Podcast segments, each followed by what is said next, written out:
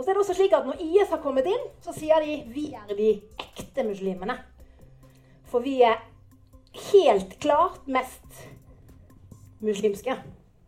Og det gjør at hvis Taliban blir for på en måte progressiv, så er det ganske mange grupper i Afghanistan som kommer til å si at dere er ikke lenger ekte muslimer, vi går til IS. Da vestlige styrker trakk seg ut av Afghanistan i 2021, tok Taliban over Kabul, og siden den gang har situasjonen vekka bekymring. Hva har skjedd med Afghanistan og menneskerettighetene siden uttrekningen? Og hvilke konsekvenser kan tilbaketrekningen få for vestlig engasjement i andre land i den muslimske verden? Hør foredraget med jurist og samfunnsviter Cecilie Hellestveit, som besøkte Sølvberget i januar 2022. Takk for uh, invitasjonen, og tusen takk til alle som har møtt opp. Eh, fulle hus og ikke akkurat stormende jubel. Dette er et veldig nedslående og ganske alvorlig tema. Faktisk blant de mest alvorlige jeg tror vi kan få på dagsordenen i Norge. Og vi snakker etter mitt skjønn altfor lite om dette. Eh, Afghanistan har vi jo tross alt hatt et ganske nært forhold til nå i 20 år. Og vi har hatt tungt militært nærvær. Eh, og et veldig sterkt humanitært engasjement. Eh, og så trakk vi oss ut, egentlig motvillig, i høst, av grunner som jeg skal komme tilbake til. Eh, og nå er det ganske svart. Så det er ikke så lett å følge med på hva som skjer i Afghanistan hvis du bare leser norske aviser. Så vi skal se nå litt hva, hva det er som egentlig foregår, eh, og hva slags prosess det er som Afghanistan befinner seg midt oppi. I går kom FN med den største skal vi si, pledgen, altså eh, oppfordring til nasjoner om å gi penger for pga. en humanitær situasjon i et land som er den største i FNs historie, på 5 milliarder dollar, for å prøve å ta Afghanistan gjennom vinteren. Afghanistan er jo også rammet av den verste tørken på over 20 år. Og det er en ganske dramatisk situasjon. Vi skal komme også litt tilbake til det seinere. Men jeg tenkte at jeg skulle først spørre litt um, Hvorfor var vi i Afghanistan egentlig? Og bare ta en sånn rask rekapitulasjon av hvorfor, hva som var rammene rundt nærværet til vestlige land. Og så si litt om selve tilbaketrekningen. Og så si noe om effektene for menneskerettighetene de siste fem månedene siden august. Eh, og så skal vi ta et helt annet perspektiv etter det. Og så se litt på hvor går Afghanistan mot slutten. Og så skal vi få tid til litt spørsmål og eventuelt kommentarer og innspill til slutt. Her ligger Afghanistan, ser dere. Midt i smølja. ikke sant? Dette her er jo et uh, veikryss mellom Midtøsten og mer subkontinentet. Kina, India, Russland, Nato, Iran. Landlocked i det området her. Og Afghanistan har jo vært utsatt for mange invasjoner opp gjennom historien. Eh, og nå har den siste i rekken nettopp blitt avsluttet. Eh, hvorfor var vi i Afghanistan egentlig?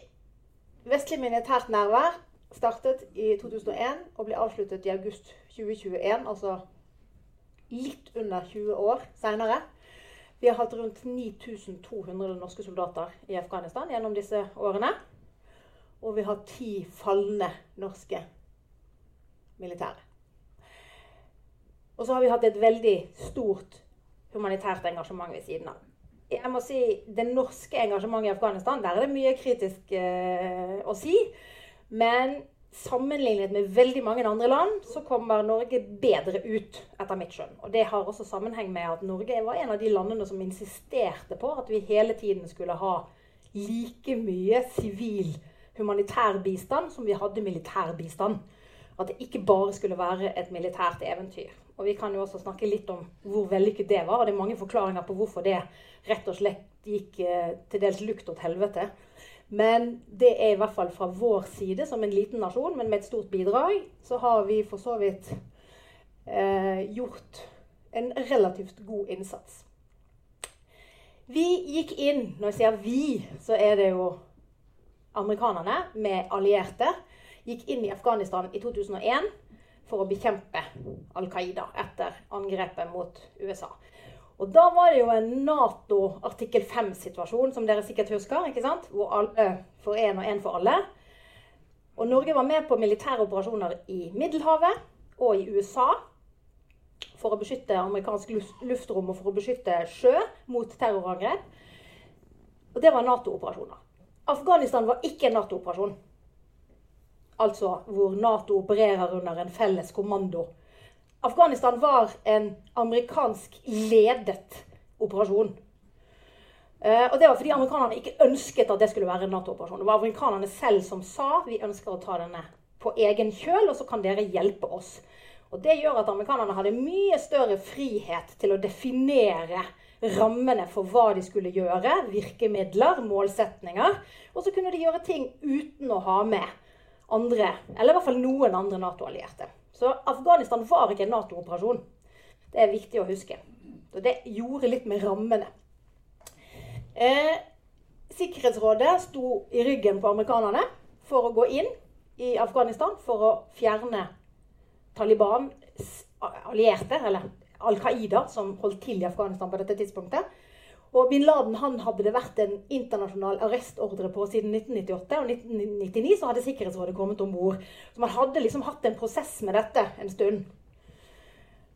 Eh, men den kampen mot Al Qaida i Afghanistan den var jo egentlig over i 2002.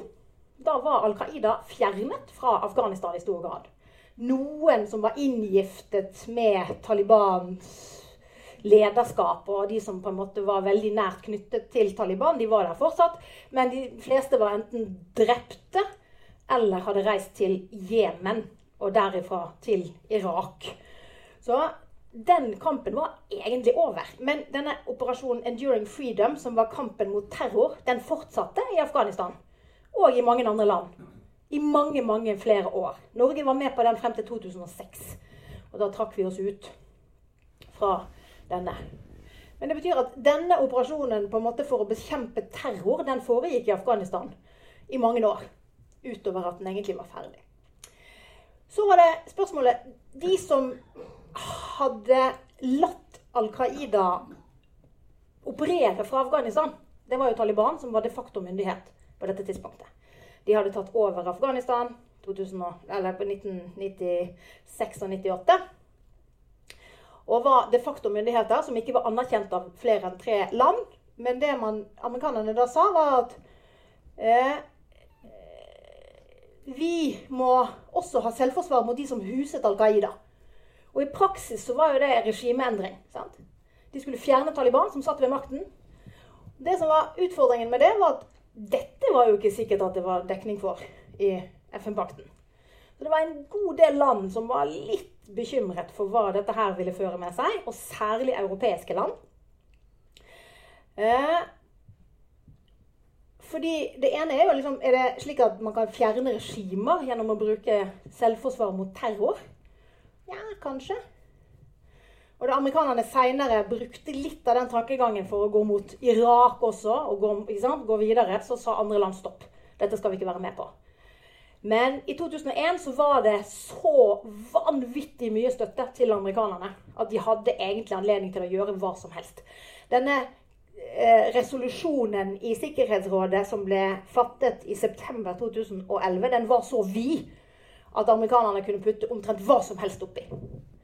Og når du har Sikkerhetsrådet med deg, så har du med Russland og Kina i tillegg til Frankrike og Storbritannia. Så da, er på en måte, da har du egentlig lov til å gjøre, da har du anledning til å gjøre veldig mye. Og Det som var problemet i, USA, nei, i, i Afghanistan, var at Bush-administrasjonen våren 2001 hadde sagt, erklært som en politikk We don't do state building. Vi driver ikke lenger med statsbygging. Og da ble jo spørsmålet ganske fort Men hvis dere skal ta vekk Taliban og ikke drive med statsbygging, hvem skal bygge stat da? Sant? Det ble spørsmålet. Og da kom FN på banen. Særlig på en måte pushet av de andre Nato-landene, som ønsket at vi er nødt til å gjøre noe her. Vi må bygge et regime eller en statsmakt for Afghanistan. Også til dels for å rettferdiggjøre at vi er her. Eh, og mens vi først er her, så kan vi jo prøve å gjøre noe bra med det. Eh, og det var bakgrunnen for den internasjonale sikkerhetsassistansestyrken, som Norge stort sett var med i fra 2002 til 2014. 2002 bare fra Kabul, og så ble den utvidet til hele Afghanistan fra 2003. Og dette var også noe som FNs sikkerhetsråd sto bak. Uh, I tillegg til at afghanske styresmakter etter hvert som de ble da etablert og valgt, de inviterte inn utenlandske styrker for å hjelpe dem med dette. Så? Og da er det jo sånn delvis at du har et FN-mandat, og så er det delvis slik at du har invitasjon fra de afghanske styresmaktene. Og dette var jo statsbygging. Skulle prøve å bygge en, en, afghansk stat, slik at Afghanistans veldig lange krigshistorie i moderne tid skulle bringes til en ende, og du skulle få løftet på en måte befolkningen og mulighetene for å forvalte Afghanistan. Eh, Afghanistan har jo for så vidt vel strengt tatt aldri vært en enhetlig stat, så dette var jo et ganske stort og meget ambisiøst prosjekt. Eh, og så er spørsmålet hva med Taliban? Skal de få være med? Fordi Taliban representerer jo Kommer fra pashto, den største etniske grupperingen i Afghanistan. Skulle de få være med på denne statsbyggingen, eller skulle de bygge staten uten den største etniske gruppen? Og da mente jo mange at selvfølgelig må pashtunerne få være med, og for så vidt også Taliban. Men amerikanerne de sa nei. Det ville ikke amerikanerne ha. Så da lederen for Taliban, mulla Omar, sto i Kandahar og hadde mistet kontroll, ringte og sa jeg er villig til å sette meg til forhandlingsbordet. Jeg legger ned våpnene. Så sa amerikanerne kommer ikke på tale. Her er det ikke plass til dere. Det var situasjonen i 2002. Mange europeiske land var ikke veldig fornøyd med den beslutningen.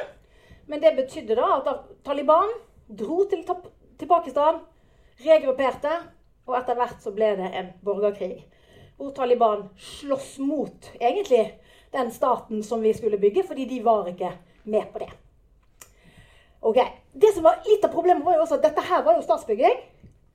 Mens denne andre parallelle operasjonen mot terror, den, de foregikk jo parallelt. sant?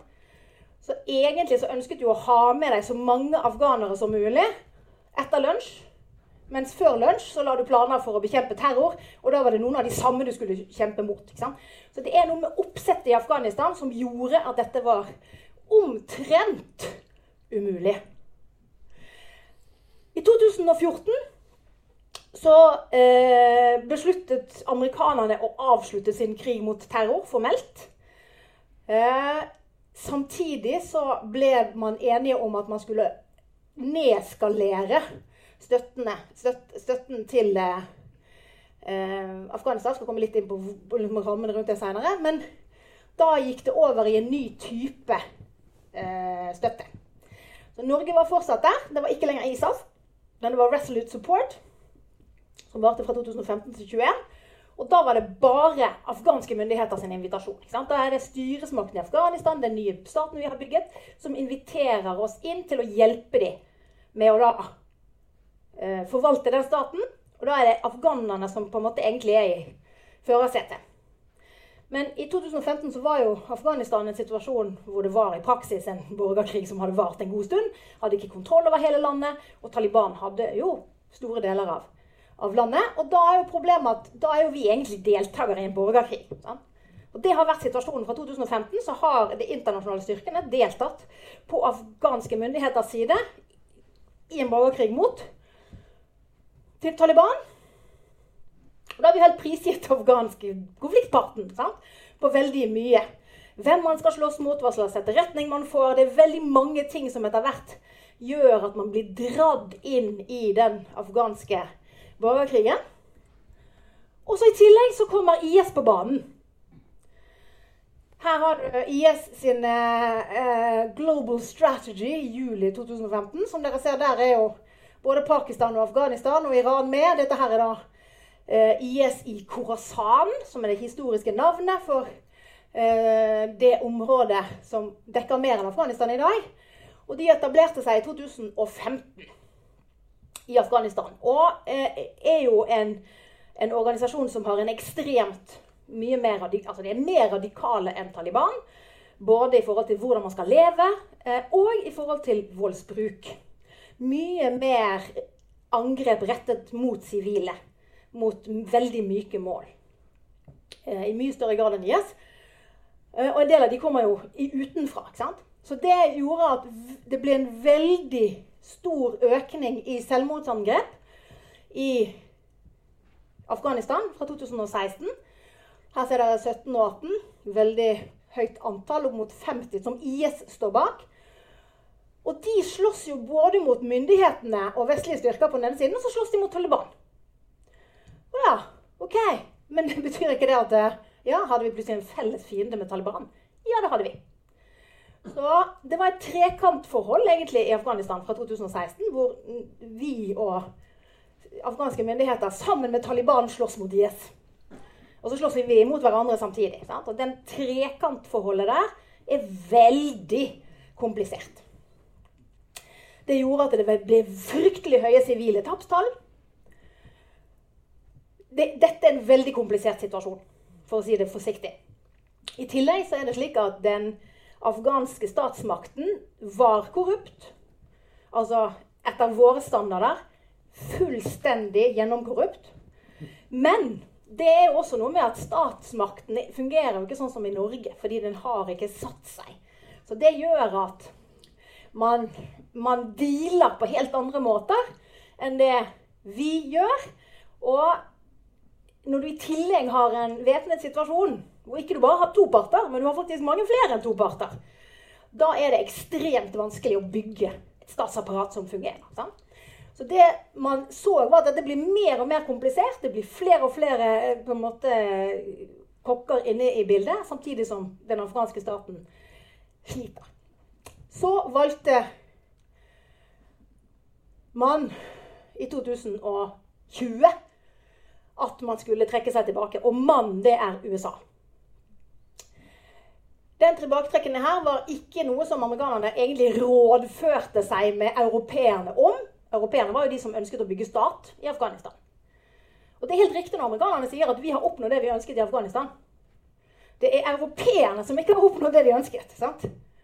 Så det er først og fremst av de vestlige som var til stede i Afghanistan, så hadde amerikanerne andre målsetninger enn det europeiske land hadde. Jeg husker jeg gjorde en undersøkelse i 2008 av de 44 landene i ISAF. Og det var veldig interessant, fordi at eh, formålet med vårt nærvær i Afghanistan det var da 44 forskjellige. Så alle hadde på en måte innrettet sine formål i Afghanistan til den hjemlige politiske konteksten, og hva hjemlig publikum var villig til eller synes var riktig å prioritere. Ja. Amerikanerne i 2020 skal komme litt tilbake til foranledningen for det, starter forhandlinger med Taliban i Qatar.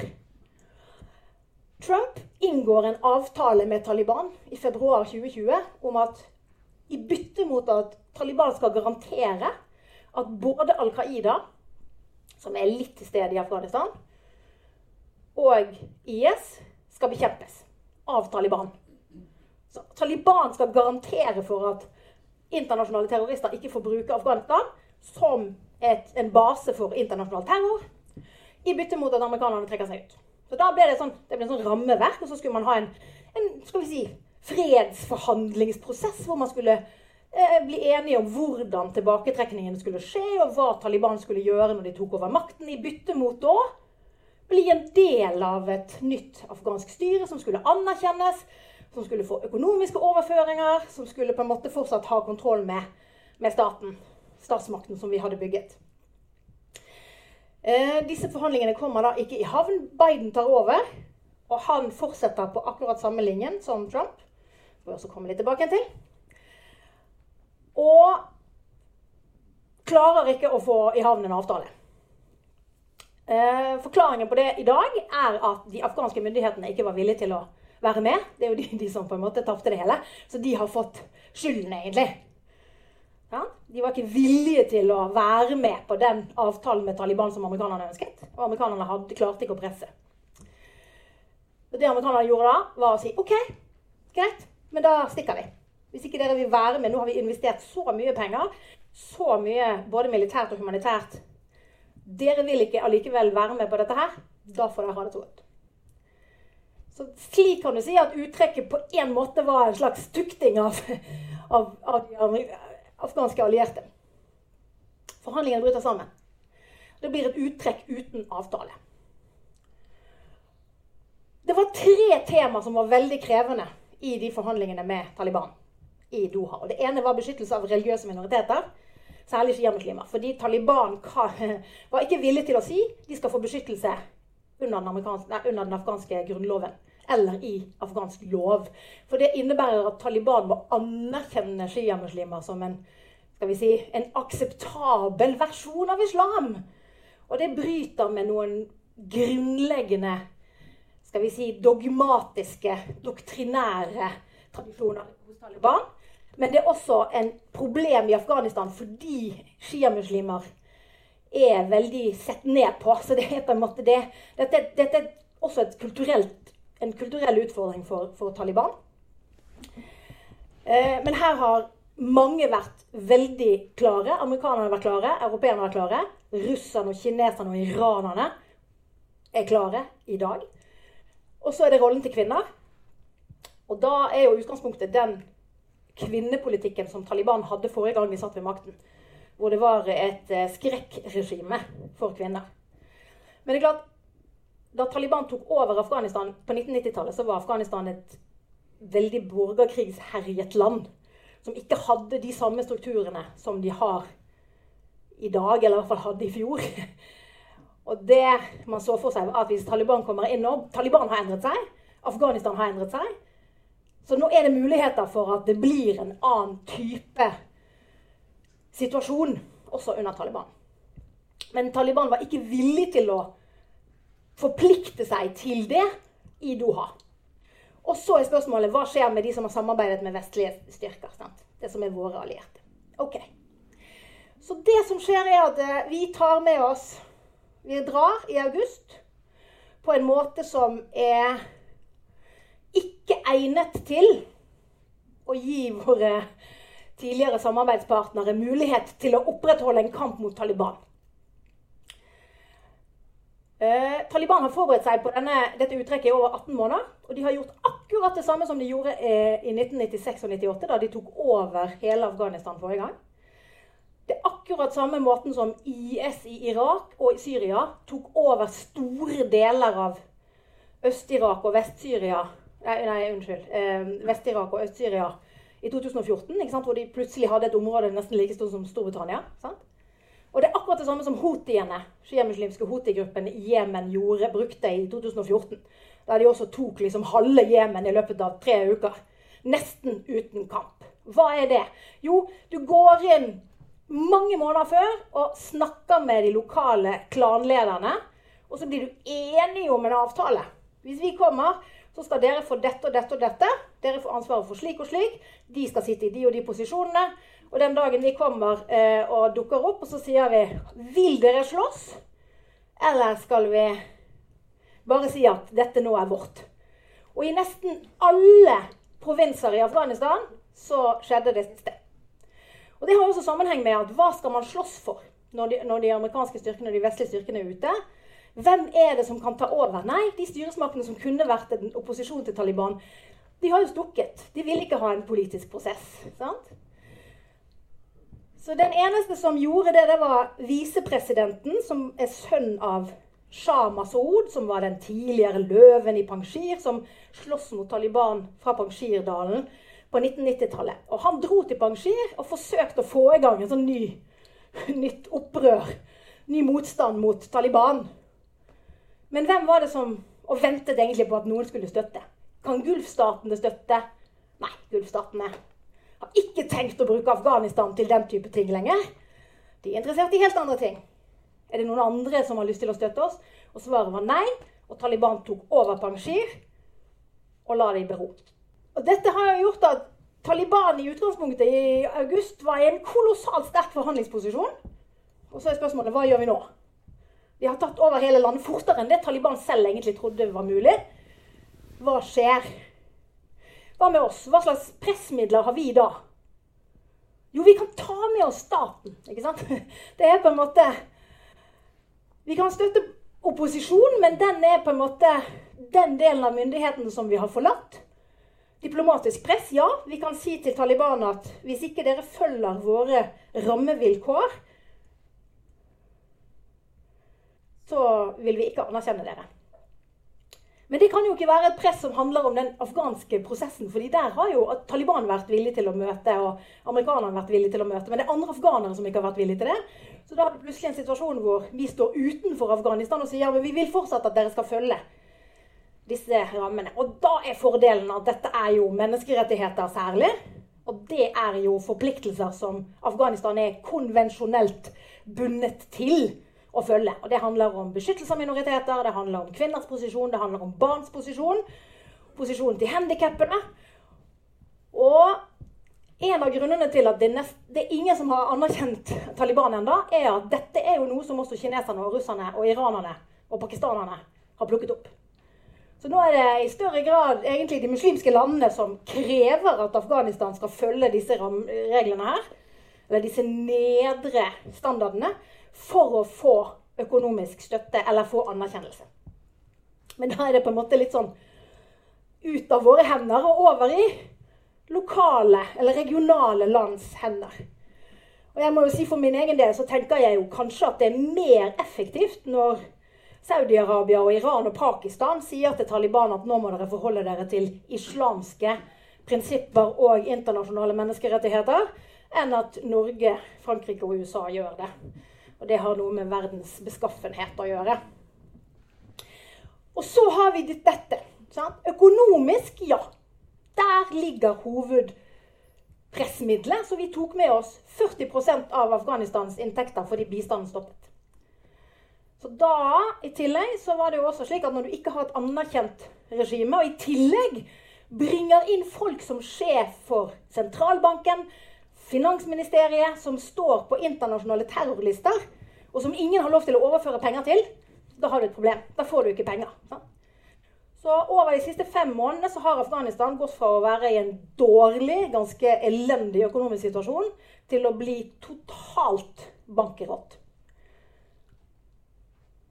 Og det er en av hovedforklaringene på den humanitære katastrofen som fordi da kan du ikke handle. Sant? Du kan ikke kjøpe. Du kan ikke, du, ingenting, alt stopper opp.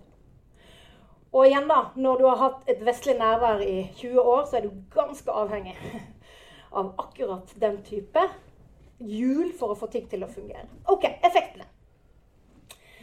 Militært så tok Taliban relativt fort over. Og politisk så var Taliban eh, relativt vennlig innstilt tidlig til å ha med seg mange å ha mange aktører fra Afghanistan med. Men Taliban opererer fortsatt på en slags klanmessig måte å samarbeide med aktører på. Det er jo de menneskene som Taliban har inngått avtaler med når de tok over hele Afghanistan. De har jo lovet ting. Sant? Og det må de jo holde, for det første. For det andre så har altså eh, Taliban valgt å ta de aller, aller fleste posisjonene selv. Til sine egne. Folk som de stoler på. Og det har litt sammenheng med at Taliban har jo vært stor, men de har ikke vært så stor. Og de siste, siste to årene, fordi alle har skjønt at Taliban is the winning game in town, har blitt veldig, veldig stor.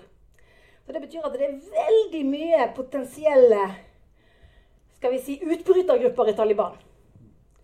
Og så er det også slik at Når IS har kommet inn, så sier de vi er de ekte muslimene. For vi er helt klart mest muslimske. Og det gjør at hvis Taliban blir for på en måte progressiv, så er det ganske mange grupper i Afghanistan som kommer til å si at dere er ikke lenger ekte muslimer, vi går til IS. Og jeg vet ikke om dere husker dette angrepet 26.8 mot Kabul flyplass. Det var én IS-terrorist én bombe, 170 drepte. Men det var ikke så mye hvor mange som ble drept, det var hvem som ble drept. For der ble både Taliban-soldater og amerikanske soldater drept. Og det viste for alle. Å steike! Taliban og amerikanerne koordinerer jo. Så Taliban er egentlig amerikanernes nye stedfortredere i Afghanistan. Og det binder Taliban på en måte som gjør at de kan ikke på en måte gå så langt som noen av de mer progressive kreftene i Taliban er villige til. Og vet at de må for å få anerkjennelse, penger osv. For da sitter IS og egentlig truer med å ta mer og mer støtte. Strafferett. Taliban har annonsert gjeninnføringen av sharia, altså hodod.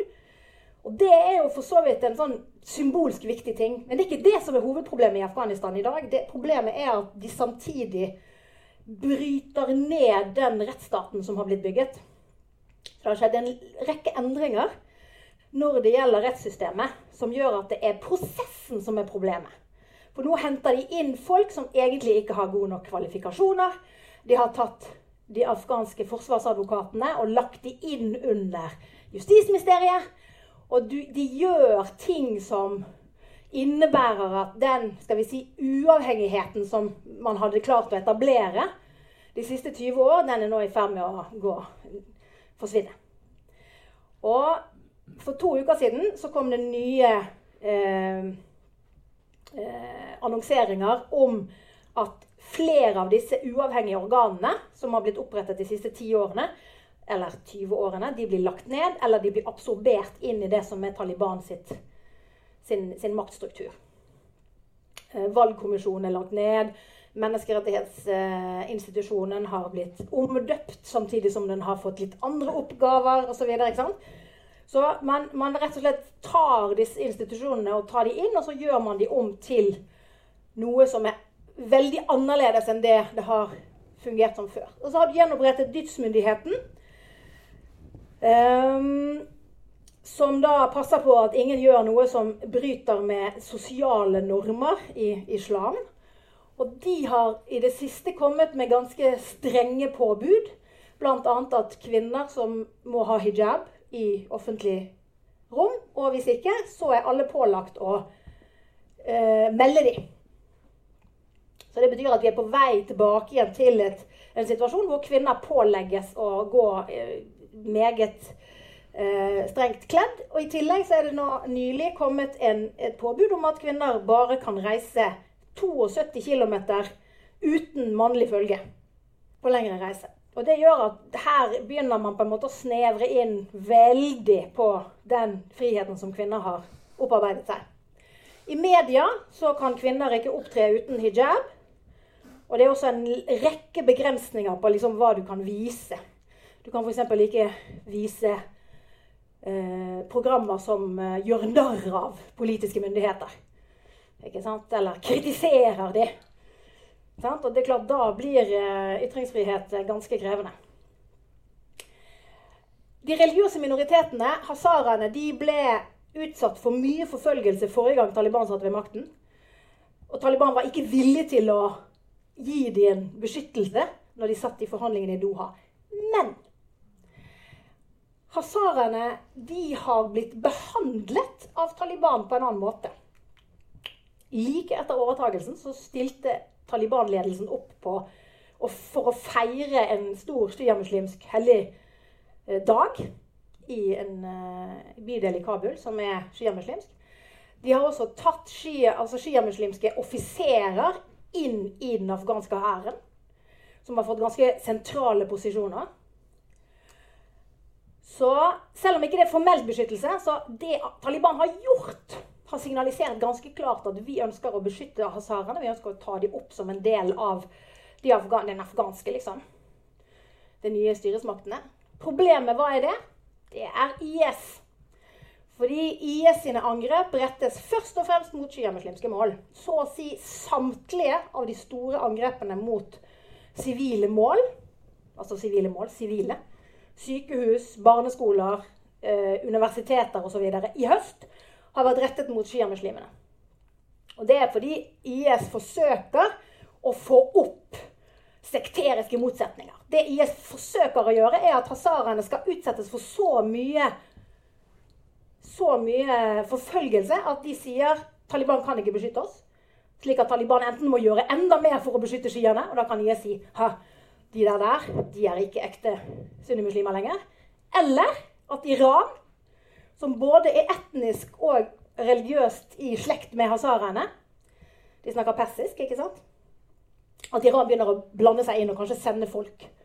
Og da kan IS si ha-ha, hazaraene er de er utsendinger fra Iran. Nå må alle afghanere mobilisere, og det er IS som står fremst i den kampen. Så dere ser, det er ikke egentlig sånn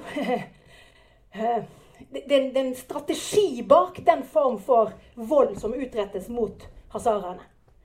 Og Derfor har Taliban prioritert hazaraene. Så de blir i stor grad beskyttet. I den grad Taliban klarer. Hva med kvinner? Nei, det er mye vanskeligere. Fordi det er jo litt sånn, ikke sant? Hvis du skal vise at du blir litt progressiv her, så må du stramme inn på dette andre. Og dette er det vi har sett i samtlige muslimske land jeg har fulgt med de siste 40 år.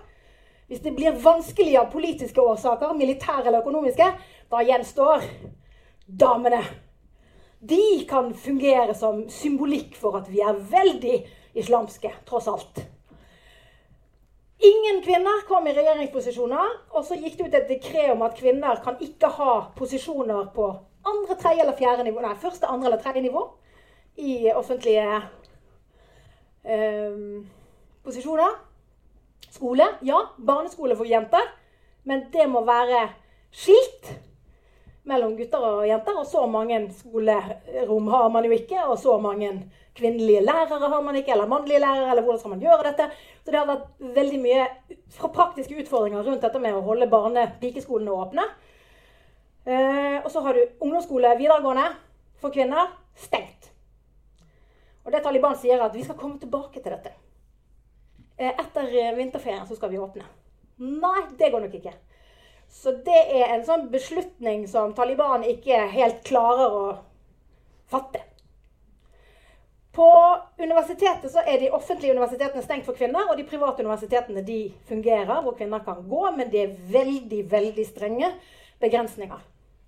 Og etter hvert som kvinner nå heller ikke kan reise alene, så er det flere og flere som ikke lenger har muligheten til dette. Og så har vi våre samarbeidspartnere. I høst så kom det ut sånne lister over hvem som sto hvem som hadde jobbet for den tidligere regjeringen, og hvem som hadde vært ikke minst en del av den, eh, disse spesialstyrkene. KRU bl.a., som norske styrker samarbeidet med. Uh, og så gikk det ut uh, dekret om at de skulle få amnesti men det har vært veldig stor usikkerhet om, om, det faktisk gjelder. Og Taliban er veldig opptatt av å holde kontroll på disse, fordi det er de som eventuelt da kan gjøre slik at man får en ny borgerkrig. Eh, men i forrige måned, så kom, eller i november, så kom eh, Human Rights Watch med en rapport som tilsa at omtrent 100 stykker i de fire provinsene de hadde sjekket, var av tidligere sikkerhetspersonell da, som hadde fått amnesty, var allikevel enten drept på stedet eller har forsvunnet.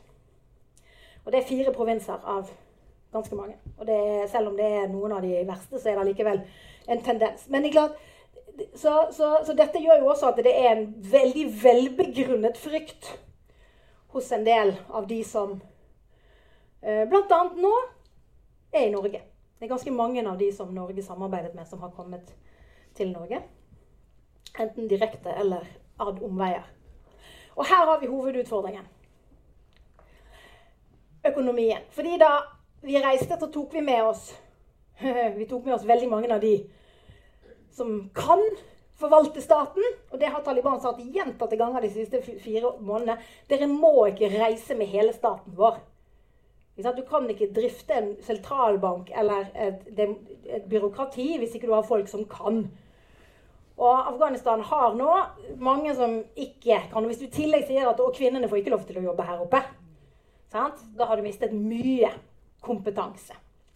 Så har du boikotten, som har gjort at eh, fra å være et eh, apparat som er vant med å ta inn penger og fordele det, så er det plutselig stopp på inntektsstrømmen.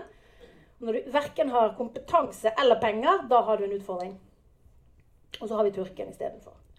Så det som har vært diskusjonen de siste fire månedene, er jo hva skal være rammene for humanitær bistand til Afghanistan. Og da ble man enige. Og her samarbeider faktisk amerikanerne, kineserne og russerne ganske godt. Så i desember, 22. desember så kom det en FN-resolusjon i Sikkerhetsrådet som sa at når det gjelder humanitær hjelp til Afghanistan, så gjelder ikke terrorlistene til FNs sikkerhetsråd. Det gjør at internasjonale donorer og bankinstitusjoner kan overføre penger til Afghanistan uten å risikere internasjonale sanksjoner eller amerikanske sanksjoner og straffereaksjoner. Så det gjør at nå har man åpnet egentlig slusene for humanitær bistand. og Dette er også grunnen til at man nå ber om så mye penger. Men de skal ikke gå via Taliban. Sant? De skal gå via andre institusjoner. Det er 160 organisasjoner som skal ta de pengene. Og hva skjer når, når du da eh, ikke sant? Taliban har da ikke kompetanse, de har ikke penger, og nå får de heller ikke penger, men det er andre som skal ha penger. Ok, Hva er et annet perspektiv på dette? Skal jeg gå veldig fort. Dette her er liksom eh, Hva skjedde? I 2000 så var det allerede Jeg jobbet i FN i New York i 2001. Og da var, Dette var før eh, september, og da var alle opptatt av hva skal vi gjøre med Kina. Hvordan skal amerikanerne klare å overbevise amerikanerne om at vi må begynne nå å planlegge for Kina som kommer i 2015 eller 20, økonomisk og militært. Det ble ikke et problem etter 11.9. Da gikk amerikanerne inn i både Irak Det skal ikke være i Syria, det skal være i Irak. Ikke sant? Ondskapens akse. Man gikk inn i Afghanistan, og så begynte man i Jemen, og så fikk man ondskapens akse, som bestod av Iran, og Syria, Irak og Libya.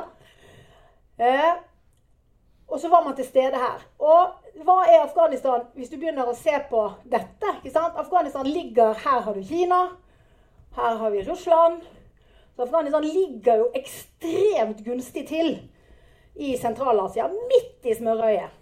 Så når du da går inn der, og blir der militært, så bygger du deg opp veldig mye militær kapasitet til å overvåke, til å følge med på situasjonen. Eh, og det som skjedde, var jo at i 2013 så var krigen mot terror over. Syria. Der var det kjemivåpenangrep. Amerikanerne sa vi skal ikke inn til syvende og sist. I hvert fall ikke tungt. Samtidig som Kina kommer med sin silkevei. Sant? Og den går jo bl.a. gjennom Afghanistan og Iran. Akkurat her går den utenfor, men egentlig så er Afghanistan en del av Den ligger midt i smørøyet for Kinas silkevei. Og slik så det ut i Midtøsten i 2016. Da hadde Russland og Iran og Kina som har en, en slags koalisjon gjennom Shanghai Cooperation Organization, som blir stadig tettere. Den, denne her Shanghai samarbeidsorganisasjonen har hatt kamp mot terror som en av rammene for hvorfor de har samarbeidet også militært. Eh, siden 2008. Og det har blitt mer og mer si, integrert, dette samarbeidet. Og er en viktig skal vi si, drivkraft for Kinas silkevei. Og eh, så, i 2018, etter at amerikanerne har tenkt i fire år etter at de avsluttet krigen mot terror formelt, så har de funnet ut at nå er det stormaktsrivalisering. Nå handler det for USA om å kontre Kina. Til dels Russland og litt Iran. Og det amerikanerne gjør, De går fra atomavtalen, som dere husker. Og de må ut av ørkenen. Så Trump sier i 2019 vi skal ut av Syria, vi skal ut av Irak, vi skal ut av Afghanistan. Og i Afghanistan så begynner man å forhandle. Hva skal amerikanerne gjøre nå? Ja, Nå skal de fokusere på sjø, cyber og rom. Så det betyr at hvis det skjer noe i Afghanistan, så kan du antageligvis plukke opp veldig mye av det som skjer der, i den grad det foregår digitalt. Og for øvrig så har du missiler Altså, ja, du trenger ikke å være til stede lenger. Samtidig så har da Shanghai Cooperation Organization de har begynt å få alle strukturene på plass for samarbeid. Og de har jo med seg alle land rundt Afghanistan. Iran har ikke fått være med fordi at amerikanerne Akkurat idet Iran skulle tas opp i 2017, så sa amerikanerne nei, nå skal vi sette Iran på den der Iran skal ut i kulden igjen. Men da amerikanerne trakk seg ut i august, så første uka i september, så annonserte Kina og Russland at nå kommer Iran inn i Shanghai Cooperation Organization. Så da er det det som er rammeverket for landene rundt Afghanistan. For å slåss mot terror, ja. Men også for å gjøre andre ting og legge press på. Og da er spørsmålet hva, helt oppsummeringsvis, hva er dette her for noe, da? Jo Vi har bygget en stat. Og når vi drar, så tar vi med oss staten. Vi kapitulerer jo. Vi trekker oss fra en krig fordi vi har andre ting å prioritere. For amerikanerne så handler det om at vi må prioritere å kontre Kina og Russland. Det kan vi ikke gjøre hvis vi bruker så mye penger og tid og krefter på Afghanistan. Fordi det er ikke det som er hovedproblemet lenger. Det er noe helt annet. Det er ikke mye høyteknologi rivalisering i Afghanistan, for å si det sånn. Det, det, det, det, er feil sted. Og for oss europeere så er det litt sånn OK, vi hører hva du sier, og vi har ikke mulighet til å være der uten amerikanerne. Så det europeerne ble klar over, egentlig allerede i 2018, men særlig i 2021, var at hvis europeerne ønsker å bli værende her fordi at flyktningstrømmen fra Afghanistan den kommer jo til Storskog og til Hviterussland og til, sant? til Polen og sør. Det er vårt problem. Amerikanerne It's not our problem. You need to fix, fix it yourself. Problemet til europeerne er at vi, vi har ikke tenkt slik, vi. Vi har, bygget, vi har, bygget, Europa for en evig sommer. Og nå har det vært liksom Høsten har vært på vei en stund, og nå er vinteren i ferd med å komme. Vi har ikke samlet Vi har ikke vært Morten Skogmus, vi har vært klatremus. ikke sant? Og Det er det alle skjønner når amerikanerne sier vi trekker oss ut, og europeerne kan ikke si vi blir, for vi har ikke evnen til det. Og hva gjør vi da? Jo, vi tar med oss staten. For amerikanerne, hva var det de gjorde når de dro? De sa Dette sa Biden og sjefen for Pentagon den dagen amerikanerne trakk seg ut. Vi har vært der i 20 år, vi har prøvd å bygge staten. Vi har prøvd å hjelpe dere til å få en, nytt, eh, en, en, en ny Eh, et nytt Afghanistan. Men når liksom den kritiske tiden er inne, så vil ikke dere samarbeide. You need to get your act together. Sant? Hvis ikke dere vil hjelpe dere selv, så kan ikke vi hjelpe dere. Så dere har bedt om det sjøl.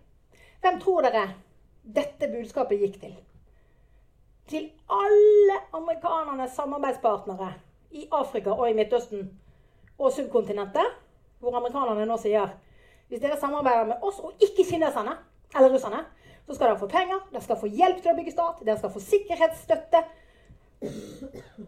Men husk at hvis dere ikke gjør som vi vil, og ikke samarbeider, så har vi ingen motforestillinger mot å mate dere til islamistene. Sant? Remember Afghanistan. Dette er et amerikansk behov. Og så er spørsmålet hva er vårt behov, da? Fordi det vi har gjort i Afghanistan, det var å komme inn og si vi skal bygge en stat. Og når vi drar, så tar vi staten med oss igjen. Det er brent jords taktikk. Du trekker deg fra en krig fordi du kapitulerer. Og så tar du med deg det du har bygget, fordi to ting. De du har samarbeidet med, har ikke vært flinke nok. De skal straffes. Og de som vant krigen, skal i hvert fall ikke vinne freden. Og der er vi ganske langt på vei i å lykkes. Men hva gjør det oss til? er spørsmålet. Dette er Damer og herrer er de onde, vonde, sanne realiteter. Hva gjør dette oss til? Og hva skal vi gjøre videre neste gang man har en stat som har kollapset? Og vi trenger ikke å se så veldig langt utenfor Europas grenser før vi ser dette. Og igjen det er ikke amerikanerne sitt problem. Det er vårt problem. Hva skal vi gjøre med det? Takk!